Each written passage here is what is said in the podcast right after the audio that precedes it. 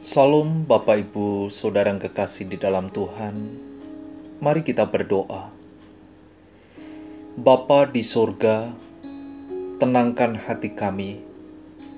Melalui renungan ini kami dikuatkan. Di dalam nama Yesus. Amin. Tema Dianiaya oleh sebab kebenaran. Matius pasal 5 ayat 10 berkata, Berbahagialah orang yang dianiaya oleh sebab kebenaran, karena merekalah yang empunya kerajaan sorga. Arti kata aniaya adalah perbuatan bengis, penyiksaan, penindasan. Dianiaya berarti diperlakukan bengis, disiksa. Oposisi, tantangan, dan penganiayaan adalah konsekuensi wajar bagi pengikut Kristus. Yesus menekankan hal ini dengan mengganti kata "orang" dengan kata "kamu".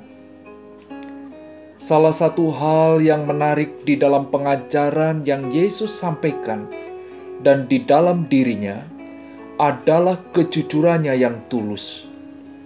Yesus memberikan kepastian tentang apa yang akan terjadi kalau mereka memilih untuk mengikuti Dia.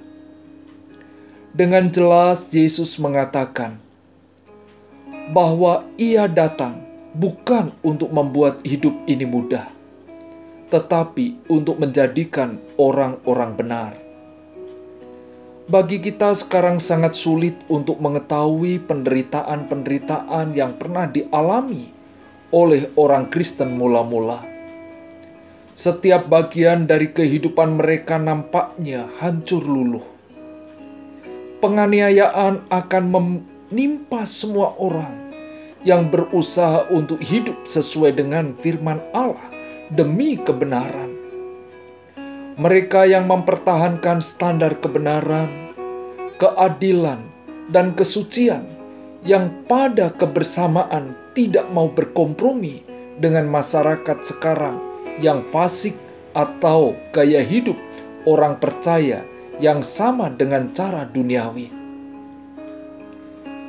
Hidup di dalam kebenaran Allah tidak menjadi populer, bahkan ditolak dan dikecam.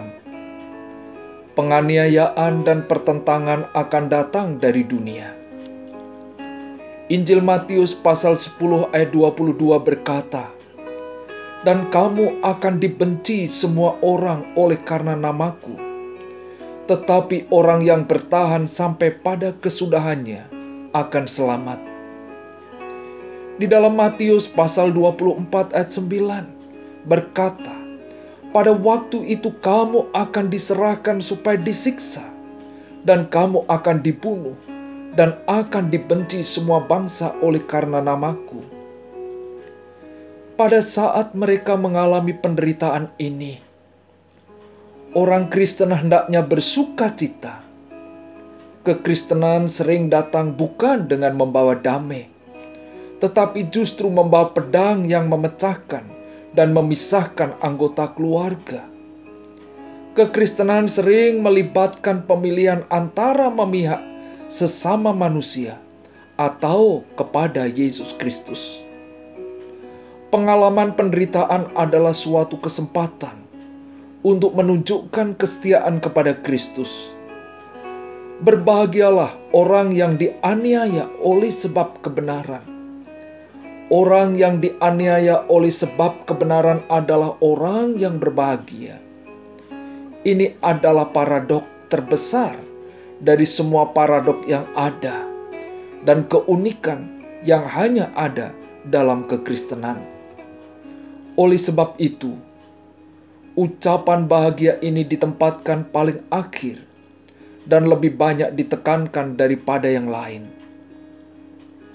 Bagaimana sikap saudara dalam menghadapi penderitaan? Kiranya Tuhan menolong. Mari kita berdoa. Bapa di surga, kadang kami tidak mengerti pada saat mengalami penderitaan karena kebenaran. Melalui renungan ini, mengingatkan dan meneguhkan kami supaya kami tetap berjalan dalam kebenaran Kristus. Di dalam nama Yesus. Amin.